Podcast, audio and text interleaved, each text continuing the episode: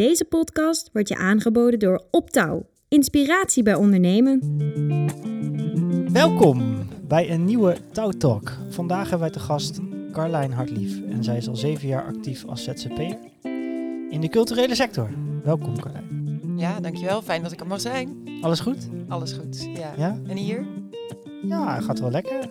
Lekker, eh, lekker in de podcast vibes. We mogen weer lekker opnemen, dus dat gaan we ook zeker doen. En eh, we willen ook eh, ja, graag weer wat nieuwe rubriekjes eh, gaan toevoegen in de toekomst. Dus we hebben wat ideeën, daar gaan we binnenkort mee aan de slag. En misschien hebben we vandaag al wel een, eh, ja, een kleine sluier die we kunnen oplichten. Oh jee, dus ik ben een soort van proefkonijn. eh. Nou ja, of konijn, ja. Ja. Misschien Leuk. wel. Marjolein, eh, Hallo, ben je er ook? ik ben er ook. Wat leuk. En we hebben nog een extra gast, namelijk eh, Oscar. Ja, Kun je daar wat over vertellen? ster van de show, hè? En Ja. eh, de directeur van het bedrijf.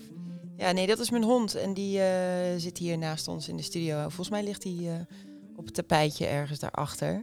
Maar eh, ja, die is eigenlijk altijd mee.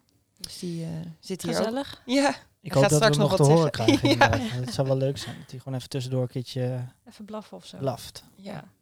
Hey, ehm, wij hebben altijd traditioneel eh, onze eerste vraag wordt door het lot bepaald. Dus als je even met de dobbelsteen zou willen gooien, dan eh, Oké. kunnen we pas echt beginnen eigenlijk. Nou, daar gaat hij. Hartzee. Drie. Je mag één iemand een vraag stellen. Wie? Oeh. ehm, hier aan de tafel of eh, Mag weer iedereen alles? zijn. Oh, oké. Ik mag één iemand een vraag. Oh, dan zou ik misschien eh, wel een vraag willen stellen aan als er zoiets bestaat aan een god of zo, een alleswetend eh, iemand. Zo, dat is wel gelijk even de diepte in eh, op vrijdagmiddag. We zijn begonnen. ja, niet wat het weekmenu bij de McDonald's is of zo, maar eh, Wat voor vraag zou je stellen dan? Dat is ja. natuurlijk de vervolgvraag. Eh, nou ja, misschien wel eh, een soort van eh, kijkje in de toekomst of zo. Neem eens mee, wat kan ik verwachten over 20 jaar? Of eh, ben ik wel nieuwsgierig naar? Je weet Hm. natuurlijk, het heeft ook wel zo'n charme als je niet weet wat de toekomst brengt. Maar als je een kans krijgt om eens te kijken in de toekomst. En ik weet niet of je alles zou moeten willen weten, maar nou ja, dat zou ik wel eh, interessant vinden. Cool. En geloof je daarin? Nee, ik ben zelf niet eh, gelovig, maar ik denk wel dat er meer is dan dat we kunnen zien, horen of eh, ruiken met onze zintuigen. Maar dat we veel meer ook wel, nou ja, dat er in sommige ruimtes een vibe kan hangen. Ja, hoe verklaar je dat? Ik denk dat er meer is dan dat we kunnen bevatten en dan, ja, hoe je het een naam geeft. Cool. Ja, ik vind het wel een leuk antwoord, moet ik zeggen. Het, eh, het is toch grappig altijd. Wij zijn eh, benieuwd naar jouw verhaal als ondernemer. En ehm, hopelijk eh, kun jij eh, andere ondernemers eh, inspireren Ja, met ja, gekkigheidjes, tipjes. En eh, nou, hey, zo pak zij dat aan. Misschien kan ik het ook doen. In onze vorige aflevering hadden we een, eh, een totaal ander type ondernemer eh, te gast. Die ook nog een vraag voor je heeft achtergelaten. Oeh. Ehm, daar kom ik straks nog even op terug. Maar laten we gewoon eens bij het begin beginnen. Want eh, waar kom je vandaan? Eh, hoe, hoe is je leven begonnen? Je, was- Ja. je was klein. Ja, ik ben ooit ergens geboren. Ja. Eh, eh, nou, ik kom uit Haaksbergen. Dat is een klein dorpje naast Enschede tegen de Duitse grens. En daar ben ik eh 32 jaar geleden geboren, 1989. En opgegroeid met mijn twee zusjes. Of nou ja, in die zin, ik was de eerste twee jaar alleen. Daarna kwam mijn eerste zusje. En na vijf jaar kwam mijn tweede zusje. Eh, een hond, cavia's, eh, ouders. En eh, ik heb tot mijn negentiende in Haaksbergen gewoond. Ik heb daar de middelbare school gedaan, HAVO afgerond. En ehm, toen ging ik op mijn zeventiende vers van de pers studeren in Zwolle, de grote stad. Mhm. En ik wilde nooit eigenlijk in Zwolle wonen, want eh, ik vond het maar een suffe stad. En eh, wat moet je daar nou? En ik ging altijd met de trein maar heen en weer.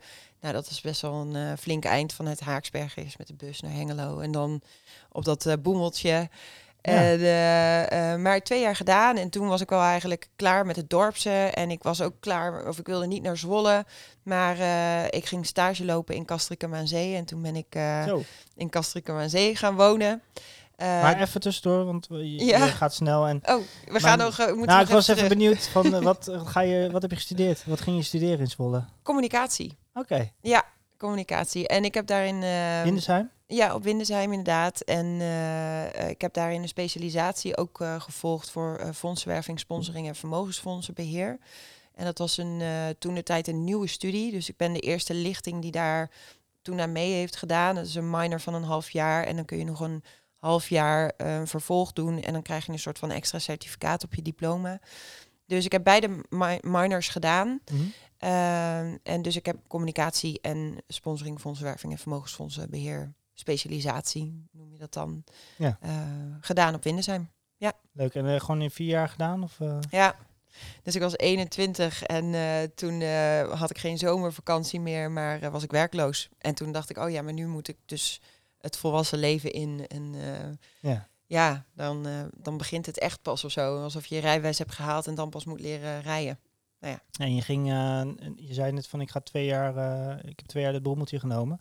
En daarna ging je stage lopen in Ja. Castricum aan Zee. Ja, bij Stichting Landschap Noord-Holland. Bij de fondsenwerver van dat, ja, die organisatie. Het is een soort natuurmonumenten, maar dan op provinciaal niveau. Ja. En ehm, daar ben ik eigenlijk twee jaar blijven hangen. Dus dat was wel heel erg leuk. En eh, toen mocht ik ja, afstuderen in mijn vierde jaar. Ja. Ehm, en dat heb ik bij de gemeente Zwolle gedaan. En heb ik onderzoek gedaan naar ehm, eh, financieringsmogelijkheden voor maatschappelijke initiatiefnemers, maatschappelijke en culturele initiatiefnemers. En dan specifiek op ehm, waar het bij elkaar zou kunnen komen. Dus hoe kunnen initiatiefnemers de financieringsstromen bij de gemeente makkelijker vinden en hoe kunnen ze daardoor dus makkelijker ook hun eh, idee betaald krijgen of gefinancierd krijgen. En na twee jaar Castricum eh, dacht ik, oh, ik heb eigenlijk best wel leuke mensen in Zwolle leren kennen. Um, een afstudeermaatje die eh, woonde hier en ehm, nou ja, ondertussen ook wel een beetje het stappen in Zwolle leren kennen. En nou, toen dacht ik, oké, dit, is, dit is ook wel een leuke stad en ik kan er altijd weer weg. Uh, Ja. Want hè, ik heb nu twee jaar in Castricum aan Zee gewoond. Als ik twee jaar ergens anders kan wonen, dan, dan eh, kan ik ook altijd weer door of zo. Dus toen besloot ik eh, na mijn afstuderen op mijn 21ste naar eh, Zwolle te gaan. En eh, ik ben nu eh 32. Oh, oh. Ik, ben, er- ik ben er nog steeds. ik ben nog niet weg. En, en ik vind het ook eerlijk gezegd wel echt een hele leuke stad. Dus ik ben ook niet van plan om eh, snel weg te gaan. Het is ook niet zo suf als je dacht. Dus Nee, nee, nee, nee. En dan moet ik zeggen, er is ook wel veel veranderd in de afgelopen tien jaar. Zeker. Maar ehm, ja, het is echt wel heel erg leuk geworden, eh, leuker geworden. En ja, als je niet in Zwolle woont en je studeert op Windesheim, ja, Windesheim ligt een beetje aan de andere kant van het station, Ja. dan zie je niks Mhm. van de stad. En ja, dat was wel een gemis tijdens mijn studententijd, dat ik niet hier ehm, echt zo lekker eh, mijn eh, studententijd heb kunnen leven, omdat ik gewoon de stad ook niet eh, opzocht of inkwam. Of eh, het trok me ook gewoon niet echt. Dus nou, en dat, dat vind ik nu hier in Zwolle wel echt heel tof. Je hebt de Bruisweken en eh, Bureau Ruis die daar een mooie introductie aan koppelt, waardoor mensen echt wel een leuke kennismaking met de stad krijgen. Ja. Dat is wel Ja. belangrijk. Ja. Toen was je dus 21. ja. En toen En toen moest je werken. moest ik werken inderdaad. Maar we kwamen er eigenlijk achter tijdens het afstuderen eh, dat er een gat zat in de markt voor ehm, eh, ja, eh, initiatiefnemers. Dus die iets leuks hadden, een leuk idee hadden. eh, die vervolgens geld door sponsoring en fondsenwerving en vermogensfondsen wilden binnenhalen. Ehm, dus wij dachten, we gaan ons eigen bedrijfje, adviesbureau, opzetten in sponsoring, fondsenwerving en eh, vermogensfondsen voor initiatiefnemers. Dus Ja. zij kunnen ons inschakelen om bij de gemeente geld aan te vragen of een fonds aan te vragen. Of, nou, en dat gingen we doen. En eh, nou ja, dat eh, betaalde niet in eerste instantie de huur. Dus toen heb ik ook nog gewerkt bij een kledingzaak. eh, om dan maar de vaste lasten te kunnen dekken. Maar ik ben eigenlijk toen vrij snel eh, voor mezelf begonnen.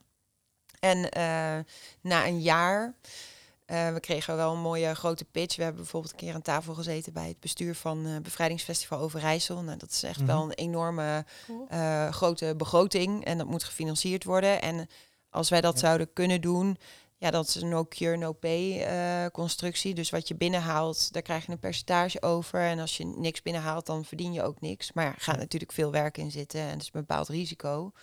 Ehm, en die kregen wij net niet. Nou ja, Oh ja. net niet. Ja, we kregen hem net niet. We waren er nog met één iemand eh, als laatste in de race, maar we kregen het niet op onze ervaring. Oh, ja. Want hè, 21, eh, net afgestudeerd, wel een nieuwe lichting qua ja, opleidingsniveau. Ja. Maar eh, ja, we kregen hem niet. En toen dacht ik wel, oh, oké, ik moet even ervaring op gaan doen in een bestaande organisatie. En ik moet weten hoe een bedrijf werkt, wat Mhm. al langer draait en wat, eh, nou ja, wat dus ehm, mij ook gaat leren hoe het is om zo eh, te groeien als ondernemer. En, dus toen ging ik als commerciële accountmanager bij de telefoongids Goudengids aan de slag.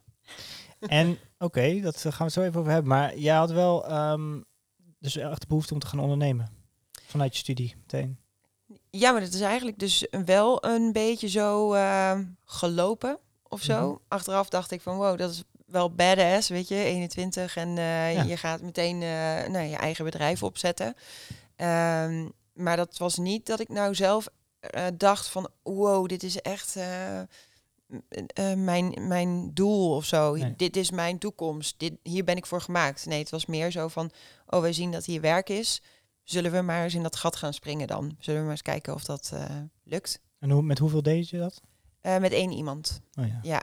En zij heette Marlijn en ik heette Carlijn. En we waren dan Karma met een C als adviesbureau. Oh, voor goede doelen en initiatiefnemers die iets moois doen voor de wereld. Cool. Ja, Leuk hoor. Ja dat is wel, eh, was wel En dat- een leuke tijd. Ehm, daarna ging je naar de Gouden Gids. Ja. Heel veel mensen vroegen ook van bestaat het überhaupt Ja. nog? En eh, zij zaten net in transitie van de fysieke gids. Dus ehm, de letters, het boek, eh, wat iedereen misschien nog van vroeger kent. Ja, ik weet niet of jij hem ooit in het echt ken hem thuis... wel, eh, ja. ja. ja, wij hadden hem ook altijd. En we onderstreepten ook altijd de telefoonnummers van vriendjes en vriendinnetjes. Ja, ik weet niet of jij dat ook hebt gedaan. Maar... Zeker. Ja, en, Ja. ehm, eh, en de Gouden Gids, dat was de zakelijke kant. En dat werd op een gegeven moment eh, dus samengevoegd, de Gouden Gids en de telefoongids. Dus dan kon je die gids ook draaien. Ja. Maar eh, steeds meer mensen gingen dus inzetten op online adverteren. En dus deden zij dat ook. Zij vertaalden eigenlijk die gids naar een online ehm, ja, website. En zij waren een Google-partner. Dus dat vond ik wel heel interessant. Dus als je bijvoorbeeld Timmerman opzoekt en een plaatsnaam daarachter zet, dus Timmerman Zwolle, dan zijn de eerste vijf resultaten gewoon resultaten van de Gouden Gids. Ja. En zij waren dus eh, echt wel de best vindbare site. Dus we hadden een heel mooie transitie daarin eigenlijk, dat we alle mensen van de gids konden bellen. Hé hey meneer, mevrouw, eh, u staat in de gids, maar u kunt nu ook online komen te staan. En dat was een gratis transitie voor mensen. Maar ja, daaraan vast verkochten we natuurlijk een heel mooi online adverteringspakket. Ja. Eh, advertentiepakket van Facebook-campagnes tot ehm, eh, Marktplaats, tot Werkspot. Eh, nou, dat was wel een hele interessante en hele leerzame tijd ook vooral. Omdat ik voor het eerst echt met keiharde targets ging werken. En eh, een beetje Wolf of Wall, Wall Street Mhm. vibes in die organisatie merkte. Was je er goed Ehm, in? Ja, ik was er best wel goed in. Ja, en, en ik vond het ook juist heel leuk omdat het super meetbaar is. Ja. Eh, dus eh, als je je target haalt, dan, dan was je binnen en dan kon je er nog overheen. En dan kreeg je een percentage te zien. En dan stond je bovenaan van al je collega's. Nou en ja. dan had je nog weer teams. En ja, dat was wel echt eh, heel leuk. En ik werd toen na een klein jaar weggekaapt door een andere organisatie die mij meer op de buitendienst wilde zetten van, als accountmanager. En dat ben ik gaan doen. En eh, dat was een, eh een payroll-organisatie. En, eh, en ik moest dan de bedrijven zover krijgen om hun personeel naar de payroll-organisatie over te zetten. Ja. Nou, dat, waren, dat waren wel ja, gevoelige kwesties. In die zin vinden mensen dat soms heel spannend. En dat kan ik me ook goed voorstellen. Maar het ontlast een ondernemer ook enorm. Ja. Ehm, maar weer een hele commerciële functie. En eh, dat deed ik 40 uur per week. En ik had een leaseauto van de zaak. En een eh, iPhone en een iPad. En een dik salaris. Ehm, maar ik merkte dat ik eigenlijk daar niet heel blij meer van werd. Nee. En eh, dat ik in de weekenden die leaseauto vooral gebruikte om naar mooie concerten te gaan. En naar fijne festivals. En leuke dingen te ondernemen. En dat ik 40 uur per week wel heel veel vond om te besteden aan iets waar ik eigenlijk niet zo blij van werd. Nee. Dus eh, nou, dat was allemaal in eh, anderhalf jaar, twee jaar nadat ik klaar was met mijn studie. Nog vet jong eigenlijk. Ja, ja, dat was 23 of zo. Ja. Ja, dus ehm, toen wel eh, gaan afvragen van wat vind ik dan echt leuk. En toen kreeg ik eh, ehm, ja wel eh, een, aantal berichtjes kreeg ik doorgestuurd eh, van, van een vacature die online kwam. En ik wist eigenlijk niet zo goed wat het was. Maar ehm, dat was een vacature als projectleider of programmacoördinator bij eh, Bureau Ruis. Op het gebied van mbo-studenten. En dat was een nieuwe functie. En ehm, eh, wat het inhield was dat ik programma mocht gaan maken en activiteiten mocht gaan organiseren voor ehm, de MBO-student hier in Zwolle. Mhm. En ik had daar geen ervaring in en ik kende eigenlijk niemand, maar ik dacht, ik kan altijd een brief sturen. Ja. Dus ik een eh, brief gestuurd en ik mocht zowaar op gesprek komen. En ik weet nog dat ik daarna mijn moeder belde en zei: Zo, ik ben zo compleet eerlijk geweest tegen deze mensen. Of ze vinden me helemaal niks, of ze vinden me helemaal wel wat. Maar dan heb ik echt een functie, een rol van een organisatie die mij op het lijf geschreven is. Ja. Want eh, ik, vond, ik kwam al veel in Hedon voor concerten en zo. En ehm, nou ja, toen eh, eh, had ik mijn sollicitatiegesprek. En ik weet nog dat ik een adres kreeg waar ik naartoe moest vanuit Bureau Ruis. En dat ik naar Hedon fietste. En dat ik dacht, hè? Heb ik dit gesprek nou bij Hedon? En toen kwam ik er dus vlak voor dat sollicitatiegesprek nog achter dat Bureau Ruis eigenlijk een onderdeel is of een afdeling voor studenten binnen Hedon. Ja. En dus had ik daar het gesprek en ik dacht, oh, wow, wow, dit wordt alleen maar toffer en leuker en vetter. En nou ja, uiteindelijk eh, dus Dat door... zagen ze waarschijnlijk ook. Ja, ik was wel heel, eh, heel enthousiast. En, eh, maar ik was ook helemaal voor hun een nieuw iemand met een andere kijk. En nou ja, wel een beetje op de hoogte van culturele initiatieven, maar nog nooit voor een poppodium gewerkt of zo in de culturele sector gezeten als toen.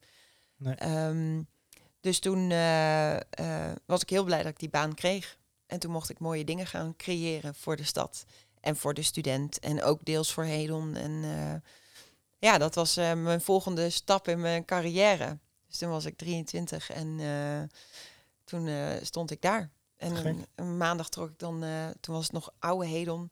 Dan eh, deed je de kantoordeuren open en dan stonk het hele pand nog naar bier van de feesten en concerten wat dan dat weekend was geweest. Eh, maar het was wel een lastige periode in die zin. Ik werkte er volgens mij net een paar maanden en toen ging oude Hedon dicht voor verbouwing Oh ja. negen maanden. Dus zij gingen ne- negen maanden dicht. Ehm, en dus had ik kantoor bij het Vliegende Paard in het centrum van Zwolle. En ehm, eh, nou ja, ging na negen maanden het nieuwe pand van Hedon weer open. Maar toen deed ik dus heel veel in de stad. Voor de studenten, met studenten. En lekker, nou ja, eh, buiten de poorten van Hedon. En dat vond ik wel eh, vond ik erg uitdagend en heel leuk. Ja, ja. Met het oude popfront en zo. ja, Toch? Of ja. Zo heette dat. ja Dat dat was nog wel opgetreden in een ver verleden. Oh, serieus? ja, Was wel, had wel charme of zo. Ja, ja Dat het was beetje lang en klein en eh, donker. Ja. En eh, zo'n grote, goede bar zat erin. Keihard geluid.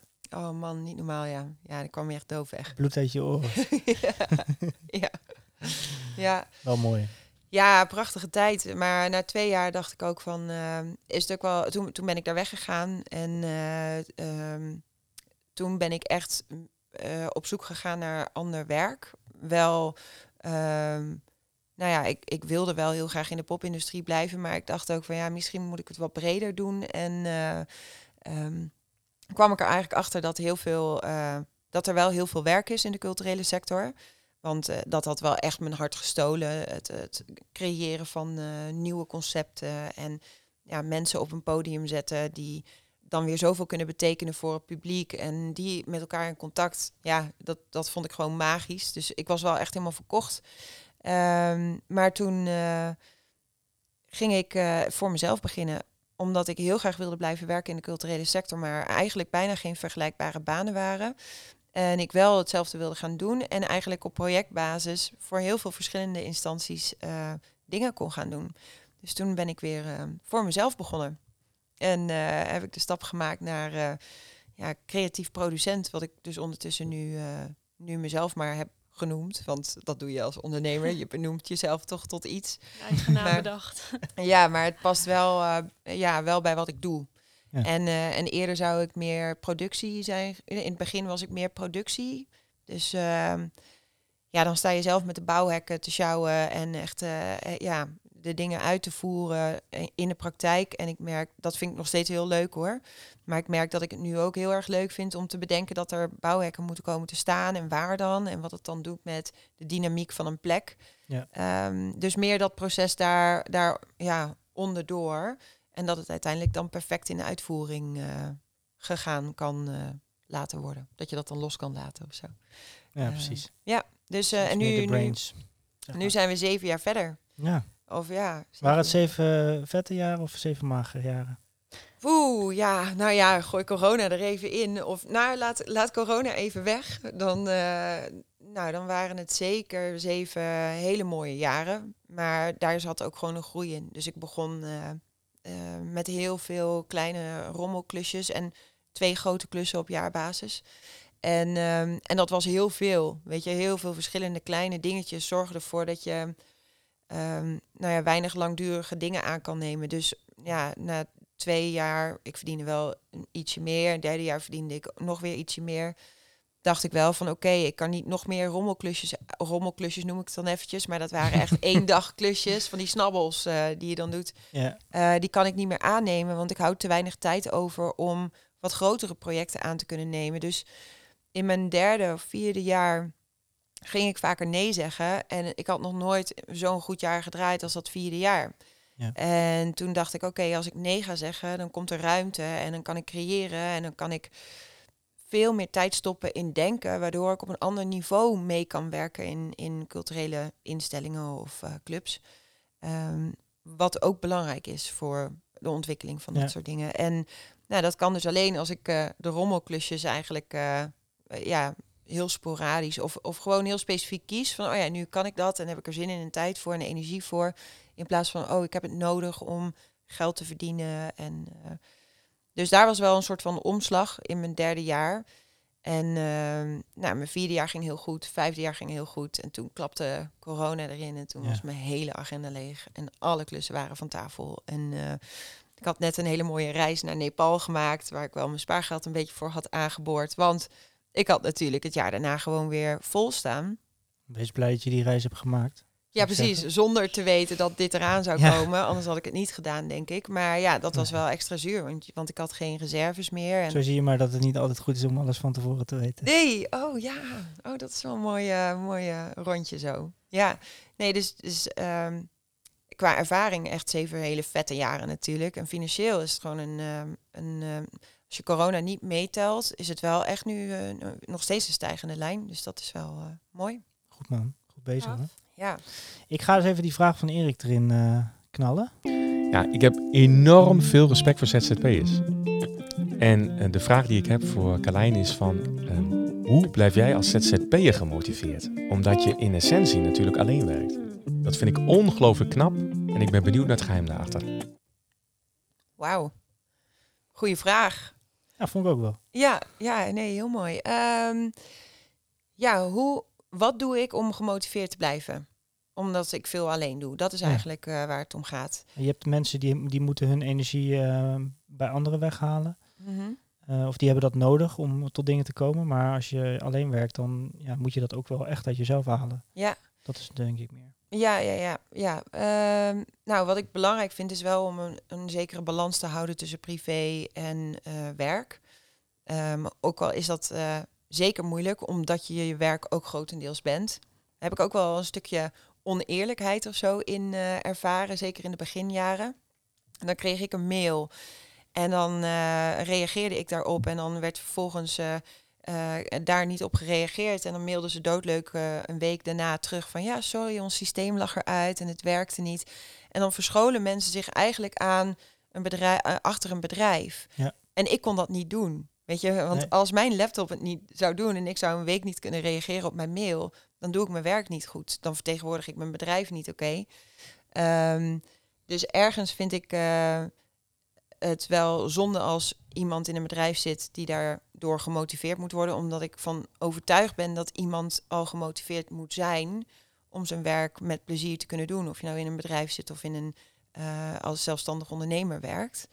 Ehm, maar wat ik doe om op te laden, dat is eh, vooral ook wandelen met een hond, eh, met mijn hond. En eh, ehm, ja, ik vind het heel belangrijk om dingen te doen waarbij ik ruimte krijg om creatief te zijn. Ehm, dus een opdrachtgever die zei mij dat ook een jaar geleden. Die zei, ja maar Carlijn, weet je, jij moet ook niet alleen voor je, ja, wat je oplevert eh, factureren, maar jouw denktijd is ook heel veel waard. En wanneer jij denkt, dat kan onder de douche zijn, dat kan op de fiets zijn, dat kan. eh, eh, maar dat is net zulke waardevolle tijd. Alleen dat is misschien niet onder kantoortijd. En toen dacht ik van ja, ik moet dus dat soort dingen echt blijven doen. Ik moet dus naar buiten gaan, ik moet opladen, ik moet sporten. ehm, om gewoon ruimte te creëren in mijn hoofd. En daar krijg ik energie van. En wat ik doe om gemotiveerd te blijven, is ook om plekken op te zoeken waar ik geïnspireerd raak. Ehm, nou ja, bijvoorbeeld hier op mijn kantoor bij de creatieve coöperatie. Eh, daar spreek je toch met meerdere ondernemers. Heb je wel ergens het gevoel dat je collega's hebt. Ehm, ook al doen we allemaal wat anders. Ja. Ehm, en hetzelfde geldt dat eh, eh, als ik een opdracht doe voor een, eh, voor een bedrijf of voor een club mensen, dan ga ik daar ook graag aan het werk op locatie. Om gewoon gevoel te krijgen met waar ik het nou eigenlijk voor doe. Ja. En ehm, ja, dat vind ik wel, dat houdt mij wel gemotiveerd. Oh, Ja. Mooi, mooi. Is dat een beetje een volledig antwoord? Ja, volgens mij wel. Ja, zeker. Ja? ik denk dat het heel goed is om ruimte te creëren of om creatief te worden. Ja, dat kan ik wel. Daar kan ik dus zeker wel wat in vinden. Ja. Ja. Heb jij, eh, Marjolein, nog eh, wat vragen van buitenaf binnengekregen? Want we hebben natuurlijk weer op de socials Carlijn eh, gehyped. Zeker. De eerste is ehm, van eh, eh, Manon, Manon van Gal. Ik weet Oh. niet of je die kent. Ja, ja, ja. Dat dacht ik al. Collega. Waar ben je het meest trots op in je ondernemersleven? Ah, ja. Wow, ja, dat is ook wel weer echt een grote vraag. Waar, waar ik het meest trots op ben. Ja, dat zijn. eh, Oscar natuurlijk, maar da- dat is Ja. niet per se... eh, ja, nou ja, ergens In je ondernemersleven. in mijn ondernemersleven ben ik wel heel trots dat ik Oscar heb. In die zin, ehm, ik weet nog dat ik op het punt stond. Ik wil eigenlijk wilde ik altijd al een hond. Maar ja, als je een baan hebt, dan is dat niet echt. Dan denk je, ja, ik ben weg. Die hond die kun je daar niet in meenemen. Of je leven kun je daar niet op aanpassen. En toen ik dus voor mezelf begon, dacht ik, ja, ho eens even, ik bepaal nu zelf. Dus ik wil een hond, dan zorg ik gewoon dat ik mijn leven daar omheen plan. En bij opdrachtgevers onderhandel ik hem er gewoon in. En hij gaat altijd mee. En je merkt dat dat wel iets is wat soms ook zorgt voor verbinding. Eh, ook wel eens voor ongemakkelijke situaties, als hij ergens zijn poot optilt wat niet mag bijvoorbeeld. Maar ehm, ik vind het ook heerlijk om met hem te gaan wandelen en gewoon te zeggen van goh, we hebben een uur een afspraak staan, we zouden bellen, maar we kunnen ook het bos in om te wandelen. En eh, we nemen de hond lekker mee. Dus in die zin ben ik wel heel trots op dat het gecombineerd kan worden en dat hij me ook echt eh, verrijkt, zeg maar, als ondernemer. Maar als we dan hebben over klussen en werk, eh, ben ik toch wel heel trots op nou, de lichtjeswandeling die ik hier in Zwolle dan heb opgezet samen met Henk Boshoven. En dat is eigenlijk in de grondslag ook vanwege Oscar. Eh, want ik had hem in de zomer eh, als puppy gekregen. En dan wandel je s'avonds nog zo lekker in het bos. En je kan na het eten echt nog wel een uur eh sjouwen. Maar ja, dan werd het donker in december. En ja, dan kun je eigenlijk niet zo makkelijk meer het bos in. En toen zag ik overal lichtjeswandelingen oppoppen. Bij de Oostvaardersplassen en in natuurgebieden. Maar dan mocht de hond niet mee. En toen dacht ik, ja, maar dit kan ik zelf ook. En toen dacht ik, we gaan gewoon een lichtjeswandeling doen. Eh, op derde kerstdag, iedereen is dan toch vrij. Het is na de feestdagen, lekker die kilo's eraf lopen. En als ik met meerdere mensen eh, eh, ben, dan durf ik dat bos wel in, s'avonds in het ja. donker. Dus ehm, Henk Boshoven, die woont bij het Engelse werk in de buurt. Goeie en ja, toepasselijk. Ja, ook een ondernemer, hele inspirerende vent ook. En ehm, hij wandelt extreem veel in dat Engelse werk. Dat echt zijn, nou, dat is gewoon zijn kantoor. Dus ik dacht, als ik iemand eh, eh, wil hebben voor nou, de routing en nou, voor ambassadeur van dat Engelse werk, dan moet ik Henk Boshoven hebben. En ik kende hem al wel, maar hij zei, ja, top, gaan we doen.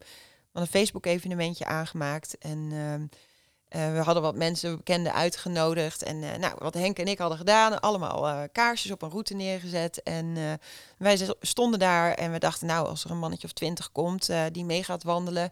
We zagen op Facebook dat evenement wel een beetje zo gaan. Maar nou, er stonden veel geïnteresseerden, maar niet heel veel. we hadden het volgens mij ook een week van Het was tevoren. geen Project X. Nee, Nee. nee, maar we hadden het ook maar een week van tevoren of zo online gezet. En we dachten, we zien wel. Mhm.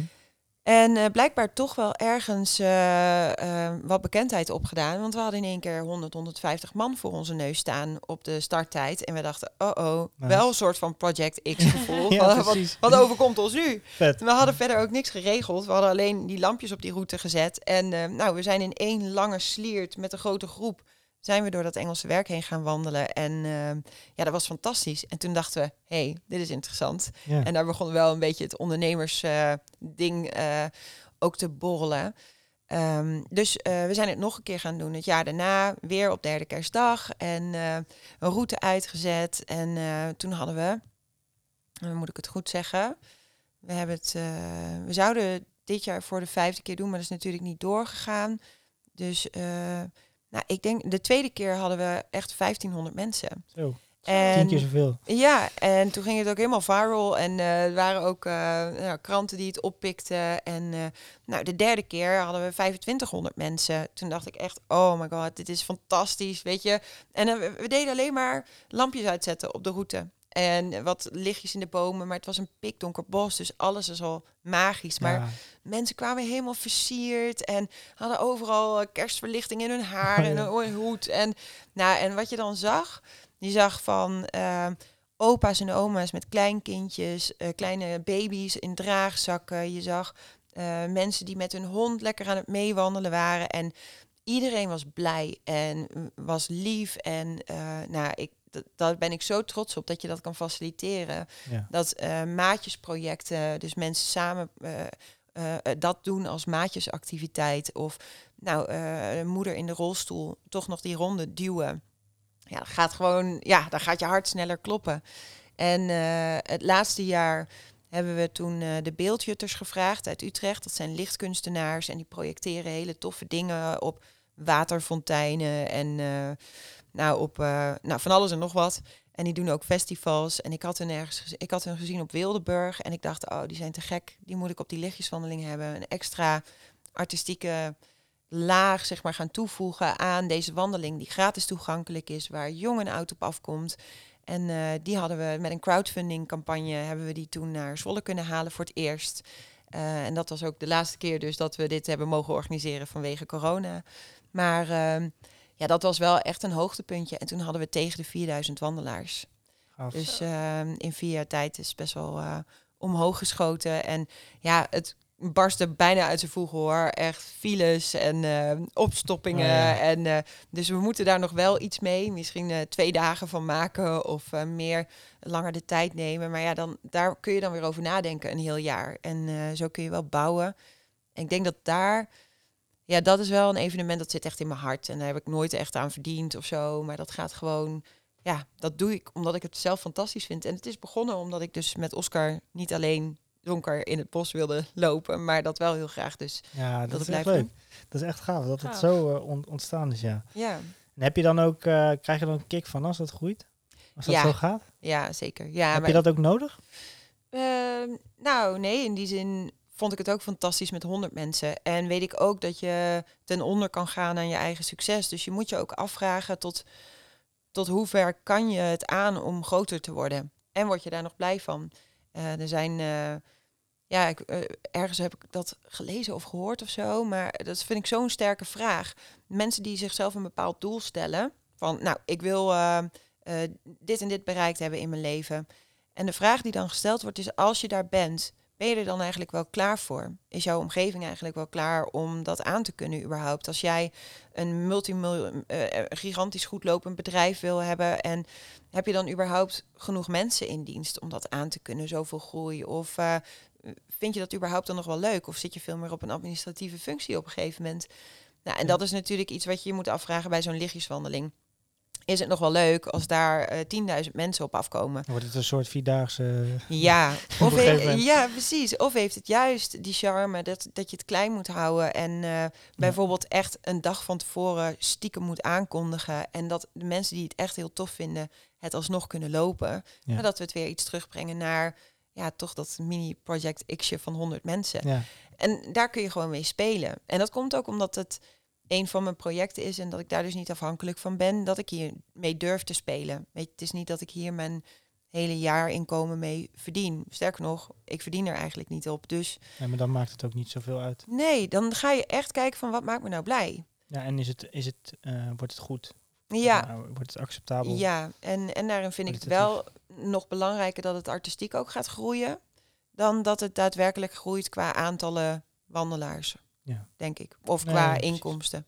Ja, dus ik, ja, in zekere zin heb, je het, heb ik het dus niet echt nodig dat het veel groter wordt. Maar wil ik wel gewoon die voldoening houden dat, dat het toegankelijk blijft voor iedereen. En ja, dat het hetzelfde vibe en karakter blijft houden als toen we begonnen. Nice. Gaaf. Ja. En ehm, dit is het, die, die lichtjeswandeling die heb jij zelf georganiseerd, toch? En zelf bedacht eigenlijk samen met eh, Henk Boshoven. Dus het was nog niet in Zwolle en eh, nu is het er wel. En zijn er ook evenementen waar je, zeg maar als opdrachtgever, ehm, meest trots op bent? Dus ehm, dat eh, ik de opdracht heb gegeven of dat ik de opdracht heb gekregen, zeg maar. Gekregen bedoel ik, sorry. Ja, precies. Ehm, ja, ik vond het heel tof om een. eh, ik heb een half jaar voor Kunstbende eh, Nederland gewerkt. En eh, daar verving ik iemand eh, tijdelijk met zwangerschapsverlof was. En daar mocht ik met die talenten eh, die gewonnen hadden van de regionale competities, mocht ik naar Lowlands. En daar hadden ze een area eh, waar die talenten dus op het podium konden komen te staan en hun ja, talent eigenlijk konden laten zien op Lowlands. Ja, dat was, dat was wel echt te gek. En in die zin ben je dan een kleine schakel in een heel groot geheel. Maar dat was wel heel erg tof. En eh, echt van genoten ook. Juist ook omdat je werkt met die talenten. En eh, ja, dat, dat maak je ervan heel dichtbij. En wat ik ook heel erg mooi vond, eh, ja, dat met Kunstbende is gewoon een hele mooie organisatie. En Lowlands vind ik een te gek festival. Dus dat was heel erg cool. Maar wat ik eigenlijk heel tof vond, was een opdracht voor Orkest van het Oosten. En zij hadden een concept ehm, eh, van Bart Jansen eigenlijk. En Bart Jansen die eh, had bedacht, we moeten klassiek aanbieden op een eh, pop, ja, popconcert manier. En Orkest van het Oosten zei, ah, dat is te gek, gaan we doen. We gaan van alles om de setting heen veranderen om een klassiek concert op een andere manier te laten zien. En Bart zei, tof dat jullie dit willen doen, maar ik ga op wereldreis en ik heb nog wel een goede producent eh, in eh, Zwolle waarvan ik denk, die kan het doen. En hij schoof mij naar voren. Dus ik mocht aan het werk met dat concept. En eh, we gingen naar Theater in Zwolle, in Deventer naar de Schouwburg en in Enschede in het muziekcentrum. En daar hadden we een klassiek concert op een popconcert manier. En dat kwam terug in een programmering. Dus eigenlijk ieder jaar ben ik gaan bouwen aan dat concept om het op een hele te gekke manier iedere keer weer anders dan anders te laten zijn. Behalve een klassiek concert zoals het in zijn originele vorm eigenlijk plaatsvindt. Dat mensen zitten op stoeltjes en kijken naar een statisch orkest. Ehm, en dat is wel iets wat ik in de afgelopen vier jaar eigenlijk zo heb ontwikkeld. Dat ik wel heel trots ben op hoe dat er nu uitziet. Ja, waar ik ontzettend blij mee ben, is dat je dan van je collega's, eh, eh, collega, mede-producenten, ZZP'ers, eh, zo'n prachtige kans krijgt om hiermee aan de slag te gaan. En eh, ik vind het ook wel heel tof dat Bart en ik daar ook wel samen trots op kunnen zijn. En dat hij ook weer, weer bij een editie als adviseur betrokken is geweest. En toch weer heeft zitten sleutelen aan het concept. En dat we dat dan zo mooi in samenwerking doen. En dan ben je wel ZZP'er. Maar je helpt elkaar naar een hoger niveau. En ja, dat, dat moet je een beetje onbaatzuchtig doen of zo. Dus, ehm, want het maakt je uiteindelijk zelf ook een, een fijnere ja, ZZP'er, collega, mens eh, Ja. in die end. Nou, geen luisteraarsvraag, maar waar ik zelf wel benieuwd naar ben, is ehm, hoe, hoe krijg jij eh, opdrachten? Hoe Ja. kom je eraan? ja. Vooral in het begin. Ja, vooral in het begin. Nou, in het begin ehm, eh, had ik het geluk dat ik ehm, een huiskamerfestival vanuit eh Hedon mocht gaan organiseren. Dus eh, het heette Muziek bij de Buren. Dat was eigenlijk een eh, eerste opdracht die ik meteen mocht doen als ZZP'er. En dat was heel tof en ik met veel plezier ook gedaan. En ehm eh, Niek van der Sprong, culturele productieorganisatie, die onder andere verantwoordelijk was voor Bevrijdingsfestival. Ehm, die kreeg de opdracht als ehm, van, de nee, van het Nationaal Comité om een van de zes vieringen in Nederland te organiseren in Zwolle eh, voor 200 jaar Koninkrijk. Eh, het Nederlands Koninkrijk bestond 200 jaar. En ehm, hij mocht eh, de editie in Zwolle doen. Je had ook in Den Haag volgens mij. En ja, waar had je nog meer? Groningen volgens mij ook. Maar durf ik niet helemaal te zeggen. En alles stond in een ander thema. Dus in Zwolle was die voor vrijwilligers en ja, non-profit instellingen. Zoiets. Dat is ook al wel lang geleden. Maar Mhm. Ehm, nou ja, en ik kwam vrij in die zin. Ik was op zoek naar een opdracht en ik ben koffie gaan drinken daar. En eh, hij zei, wil jij dit niet als eh, projectleider gaan doen? En toen eh, mocht ik daar aan de slag. En dat was eigenlijk een beetje mijn springplank ook meteen. Een mooie opdracht vanuit Hedon en een mooie opdracht vanuit Niek van der Sprong. En ehm, nou, voor Niek van der Sprong heb ik dan in de jaren daarna nog een aantal grote opdrachten gedaan. Waaronder het pre-produceren van Bevrijdingsfestival, uh, de Hansendagen in Kampen. Um, en voor Hedon zijn er ook dingen uh, geweest waar ik nog weer uh, mee samen heb gewerkt. Dus een popronde, vier jaar in de binnenstad georganiseerd en in Hedon. Um, en ja, dat, gaat, dat balletje gaat dan ondertussen rollen. En omdat ik um, bij Niek van der Sprong terecht kwam, kwam ik met een technisch producent aan het werk, Rick Meijer.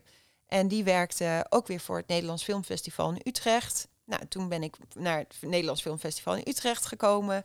En vanuit het Nederlands Filmfestival uh, in uh, Utrecht zat ik opeens in een netwerk waardoor ik naar festivals kon werken. Uh, voor een cashflow-organisatie, maar ook weer andere klussen kreeg, zoals ITVA, documentaire festival in Amsterdam. een videoproductieklus. en ik rolde eigenlijk overal zo een beetje in. En uh, ja, dan, dat is puur en alleen op netwerk. Want ik heb geen website of uh, ja, ik heb wel social media, maar verder niet uh, dat ik nou echt een heel zakelijk account heb of zo. Ik vind het juist belangrijk dat ik me als persoon ook goed voel bij de dingen die ik aanneem als werk. En dat mag ook best wel dus een beetje in elkaar overlappen. want. Ik vind het wel leuk dat je zegt werk wat ik aanneem, want de meesten denken andersom, hè? Die, ja. die, denken gewoon van als ze maar met mij in zee willen. Ja, precies. Terwijl als je dus zelf die keuze maakt, ja. dan dat is een andere manier van denken. Ja. Kijk, je hebt nu ook de positie ja. om te kunnen doen. Ja, dat, dat geldt ook niet voor iedereen, denk ik. Maar Nee, maar goed, ik denk dat het wel belangrijk is om je bij iedere opdracht af te vragen van, wil ik dit eigenlijk wel? Ja. En daar ben ik mezelf ook wel in tegengekomen. Dat ik zo hard had gewerkt en eigenlijk klaar was voor dat jaar, voldoende had verdiend en toch nog een opdracht aannam. En dat ik uh, in een hotel in Amsterdam sliep voor die opdracht. En dat was eigenlijk de derde avond of zo. Dus het werd wat rustiger. Dat festival was wat rustiger.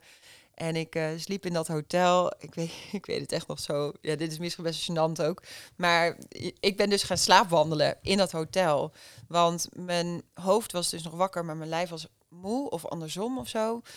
Anyway, ik ben dus uit mijn hotelkamer in mijn ondergoed in de lift gaan staan, naar beneden. En beneden deed, ging die deur van die lift open. En ik zag zo de receptioniste naar mij kijken in mijn ondergoed in die lift stond ik zo en ik schrok wakker.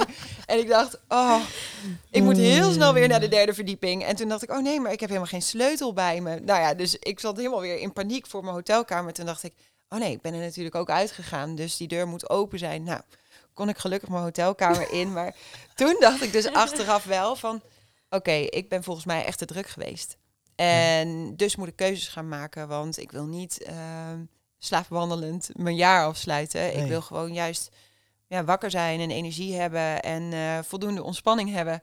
Dus ja, daar ben ik mezelf ook wel in tegengekomen. Dus ik, ja, ik denk nu wel na over iedere klus of ik het aan kan nemen qua energie. Of ik het aan wil nemen omdat ik het leuk genoeg vind of omdat het financieel uh, interessant is. Uh, en of ik het dan wil doen. Leuk. Dus dat, uh, Goed ja. verhaal zeg. Ja, maar voor mij echt een reality check hoor. Ik zie je de titel van de podcast al uh, helemaal voor me. Dat iedereen daarop gaat klikken. Ja, slaapwandelend door een hotel ja. heen. Ja, ja maar wel, ja, wel leuk. Voor mij wel een uh, mooie wake-up call, letterlijk. Nou, inderdaad, ja. ja. Hey, en um, ik kreeg ook nog, naar aanleiding van de vorige podcast, een, een vraag van iemand anders door. Die zei van misschien is het wel leuk om aan elke gast uh, te vragen of die uh, een flop heeft gehad. Om dat een vast rubriekje te laten worden waar ik het eerder al over had. En dat vond ik eigenlijk wel een goed idee. Dus ja. ik heb nog geen uh, dikke vette jingle gemaakt. Maar dat ga ik wel doen. Oh. Dus daar moet ik nog eventjes studio induiken. Maar dat ga ik zeker doen. Maar ik wil hem wel vast aan je vragen. Van, Ja. Heb jij ook iets gedaan waarvan je zegt dat was achteraf echt wel een mislukking. En dat Oh. kwam hier en daardoor. Eh, nou, ja, als ZZP'er zeg maar, of eh, in loondienst. Want eh, Nou goed, elk smeuig verhaal is welkom. ja, precies.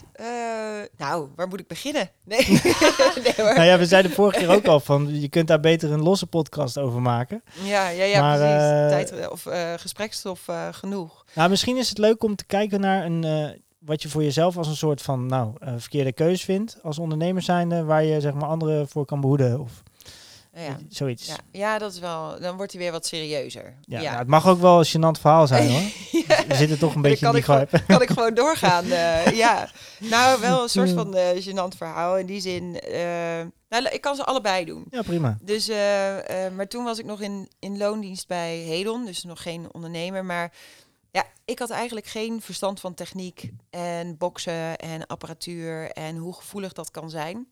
En ik organiseerde toen een hip-hop wedstrijd in Overijssel met andere nou ja, hip-hop talenten die vanuit steden dan eh voorrondes hadden gedaan. En dan de finale was in het Burgerweeshuis in Deventer. En nou weet je, Deventer Zwolle, nou dat kan nog wel eens hoog oplopen met voetbal. Op cultureel gebied was het eh, gewoon rustig en eh, relaxed. Nou, Ja. en wij gingen met de afvaardiging uit Zwolle, allemaal hip-hop talenten, gingen we naar, naar Deventer voor de finale. Eh, in een touringbus. En ik had dat geregeld en ik was helemaal hyped. En ik dacht, wat kan nou nog een extraatje zijn wat dat publiek dan kan doen op het moment dat die hiphoppers opkomen en hun show gaan doen als verrassingseffect. En ik dacht, yes, wij gaan naar, ik ga naar de action en ik haal 10 confetti kanonnen met dat eh, lekkere metallic eh, glitterspul en dat laat ik het publiek dan voor het podium afknallen op het moment dat die hip-hop artiesten opkomen. ja, jullie voelen hem al Voelen we aankomen aankomen. alles zat overal in. In de monitoren, in eh, Oh. de DJ-apparatuur. eh, en, nou, en ik had geen idee waarom hoofdtechniek van Burgerweeshuis nou zo boos was. En ik dacht, ja, wat is er nou aan de hand? En toen dacht ik, eh, toen vertelde hij mij dat. Hij zegt, ja, dit is wel, eh, dit is wel heftig. En eh, toen realiseerde ik me van, oh ja, hier heb ik echt, had ik toen de tijd geen verstand van. En ja, dit had ik ook met niemand overlegd. En ik was gewoon te naïef. En nou ja, dus mijn tip om anderen hiervoor te behoeden, gebruik nooit confetti-kanonnen in de buurt van apparatuur. Eh, want het was wel een mooie schadepost van het Burgerweeshuis naar, eh, naar Zwolle. En het is nog steeds wel af en toe een running gag. Als ik bijvoorbeeld iemand tegenkom van het Burgerweeshuis, dan zeggen ze... Carlijn, heb je confetti-kanonnen thuis gelaten? Of eh, hoe zit dat? Oh, En, ehm, en toen Hedon net geopend werd, toen kwamen ze vanuit het Burgerweeshuis natuurlijk ook kijken bij Hedon. En ja, toen werd de grap ook al gemaakt van, nou, we, we zullen wel even confetti-kanonnen meenemen om het feestje goed te vieren en zo. Dus ja, het was wel een lekkere, lekkere je vibe. hebt naam gemaakt. Echt. Ja, ik weet niet of die positief was, maar eh, ondertussen eh, kan ik hem, eh, eh, snap ik hoe het werkt. Ja, goed hoor. Ja. ja, en dus dat was een beetje de flop, maar dat was dus in loondienst. En als ondernemer, eh, wat ik dus heb gemerkt, is dat je echt bewust moet gaan afwegen eh, eh, waarom je een bepaalde opdracht aanneemt. En dat, eh, dat kan een financiële reden zijn, dat kan een ontwikkelingsreden zijn, van nou, het is goed voor mijn netwerk of voor mijn eigen ont- ontwikkeling. Ehm, eh, of dat kan eh, zijn omdat het eh, gewoon past in je, in je schema, in je, in je tijd, hè, of je de energie ervoor hebt. Eh, maar in ieder geval goede, goede afweging maken waarom je eigenlijk nu iets aanneemt. En of dat je ook nog wel blij maakt. En zo niet, dan kan je ermee stoppen. Want zodra je dus ergens mee stopt, dan ontstaat er ruimte.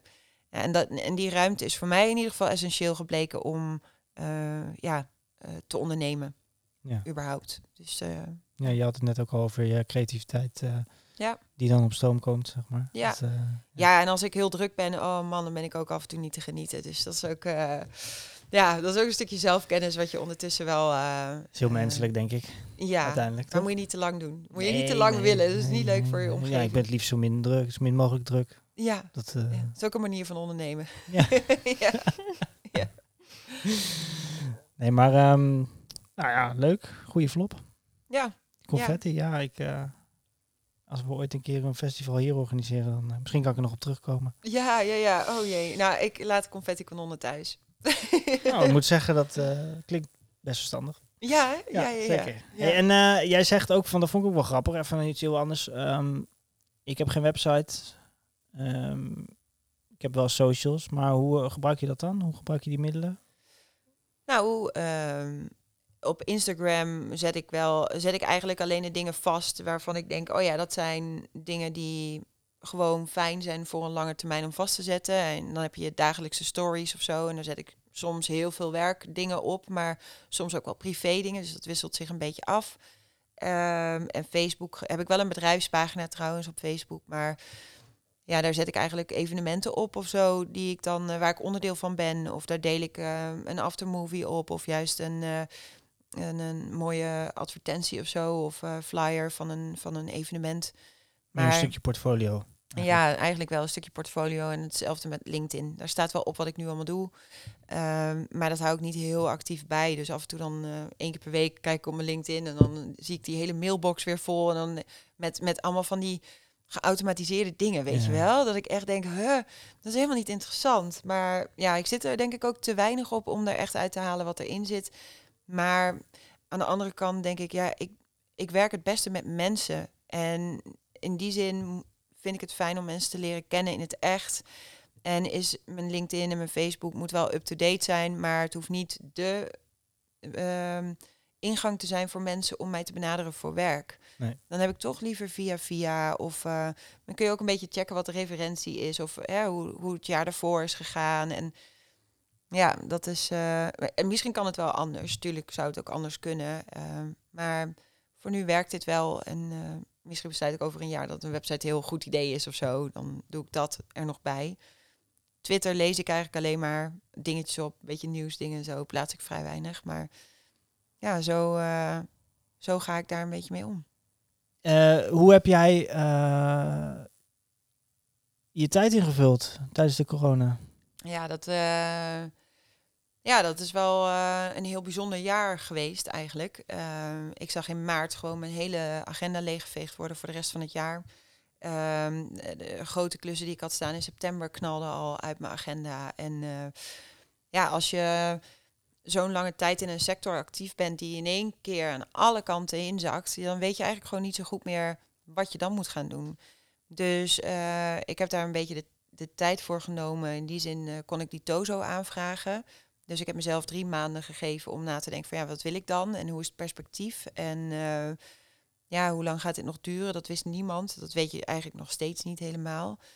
Maar uh, ik merkte wel echt uh, een soort van rouw of zo. Ik was echt verdrietig en uh, het speelde ook niet mee dat, dat er ook best wel wat angst was. Ook wel om mij heen rondom corona. Mensen waren gewoon bang. In één keer kon je niet meer zo makkelijk op bezoek. En ja, mijn buurman die was heel ziek toen de tijd. Die, die had kanker en die gingen dan vrijwillig in quarantaine. Dus daar kon je ook niet echt meer langs. Maar tegelijkertijd, omdat ik dus in één keer geen werk meer had en rustig was, kon ik dus heel mooi wel voor hun zijn. Dus dan zette ik boodschapjes voor de deur. Of nou, ik voelde me wel heel erg uh, in verbinding staan met de mensen om mij heen. Dus dat was mooi. Maar ik voelde ergens ook een druk van, ja verdorie, ik moet uh, wel aan het werk, weet je. Ik moet wel geld verdienen. En in één keer heb je geen werk en verlies je heel veel geld hoe ga je dat goed maken? Ja. Uh, moet ik online? Moet ik uh, aan de livestreams? Moet ik quizzen gaan doen? Wat kan ik doen om... nou, ik werd helemaal gek. En je zag al die corona-initiatieven, noem ik het maar eventjes, uit de grond poppen. Super goed allemaal. En het, maar het, sloeg bij mij een beetje zo om de keel. Dat ik dacht, oh, het verlamde me bijna een beetje van wat kan ik doen? Ik ben eigenlijk overal al te laat mee, want die initiatieven zijn er al. En wat, ja, hoe dan? En na drie maanden dacht ik ik moet in ieder geval mijn huur gaan betalen. Dus uh, ik ga solliciteren. En toen uh, ben ik bij een, ja, een adviesbureau in dienst gegaan voor, nou hoeveel uur was het? 24 uur. Als producent van hun bedrijfscoachingstrajecten. dus zij deden bijvoorbeeld hutje op de hei sessies of een dag in een, in een mooie boerderij. En dan allemaal trainingen om teams en organisaties beter te laten lopen het, bedrijf weet ook, hier loopt het lekker. Superleuk. En, uh, en ik mocht dat dan gaan regelen. Nou uh, ja, dat is te gek. En ik dacht van, als je nou een band op een podium zet of een spreker, ja, je moet het toch ergens produceren. Dus ik was heel blij en ook heel dankbaar dat uh, die mannen mij de kans gaven om nou, voor hun te komen werken. En toen heb ik dat met heel veel plezier gedaan. En ik zeg gedaan omdat ik dat een half jaar heb gedaan. Want ik kreeg een uh, aanbod van iemand die ik heb leren kennen bij Orkest van het Oosten. Die was de marketeer daar. Die was overgestapt naar de gemeente Enschede. En ehm, die was aan het, is daar aan het werk als ehm, communicatieadviseur klimaatadaptatie voor particulieren. En ehm, zij zei, we zoeken een projectleider. En volgens mij, Carlijn, eh, kan jij dat? En ik echt zo, ja, maar ja, ik heb een baan en ik heb het nog nooit gedaan. Sterker nog, ik weet niet eens wat klimaatadaptatie is. Maar oké, ik ga het gesprek wel aan. En toen kwamen we eigenlijk tot de conclusie dat ik het wel heel erg leuk zou vinden. En dat ik ook dacht van wauw, het is gemeente Enschede of een overheidsinstelling. Dat biedt mij ook wat rust en perspectief voor de toekomst. Want uh, bij hier loopt het lekker. Moest alles in één keer uh, online via Teams en Zoom. Want er waren geen. Uh, je mocht niet meer naar je werk toe. Dus ook die baan veranderde eigenlijk gewoon. Iedereen moest thuiswerken. Um, nou, en daar zou ik uiteindelijk ook niet gelukkig worden van online. Ik, ik was Teams-deskundige en Zoom-expert. En nou ja, dat ging prima, maar ik word uiteindelijk wel gelukkig van dingen doen. Ja. En uh, nou, toen uh, dacht ik van ik ga het combineren. Dus uh, dat bedrijf en, en de gemeente Enschede.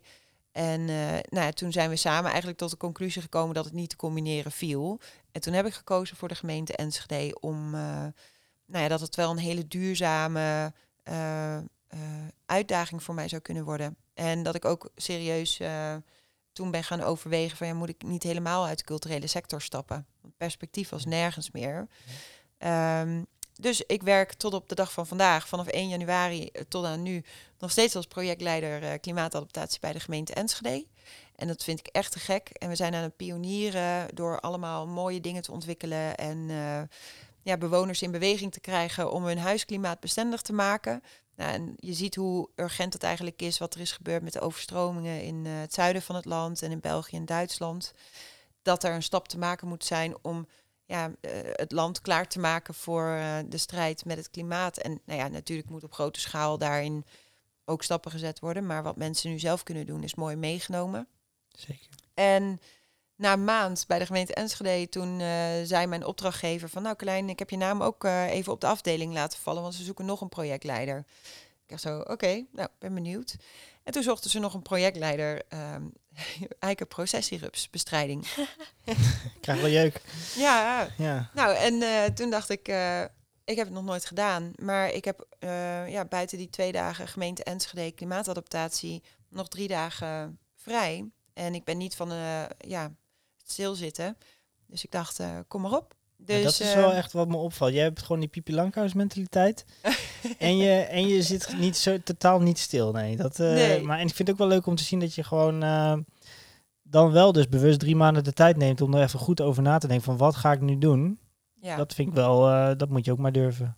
Ja, nou ja, in die zin misschien bewust en misschien ergens ook onbewust. Want ik zei ook wel dat het een beetje voelde als een verlamming. Ja. Hè, omdat de hele wereld werd echt, echt stilgelegd. In ieder geval mijn belevingswereld en mijn werk. En uh, ja, als je zeven jaar een hele toffe baan hebt en in één keer is het niet meer en je weet niet meer of het wel terugkomt en in welke vorm, dan ja, dat is best wel een, een heftig ding of zo. Ja.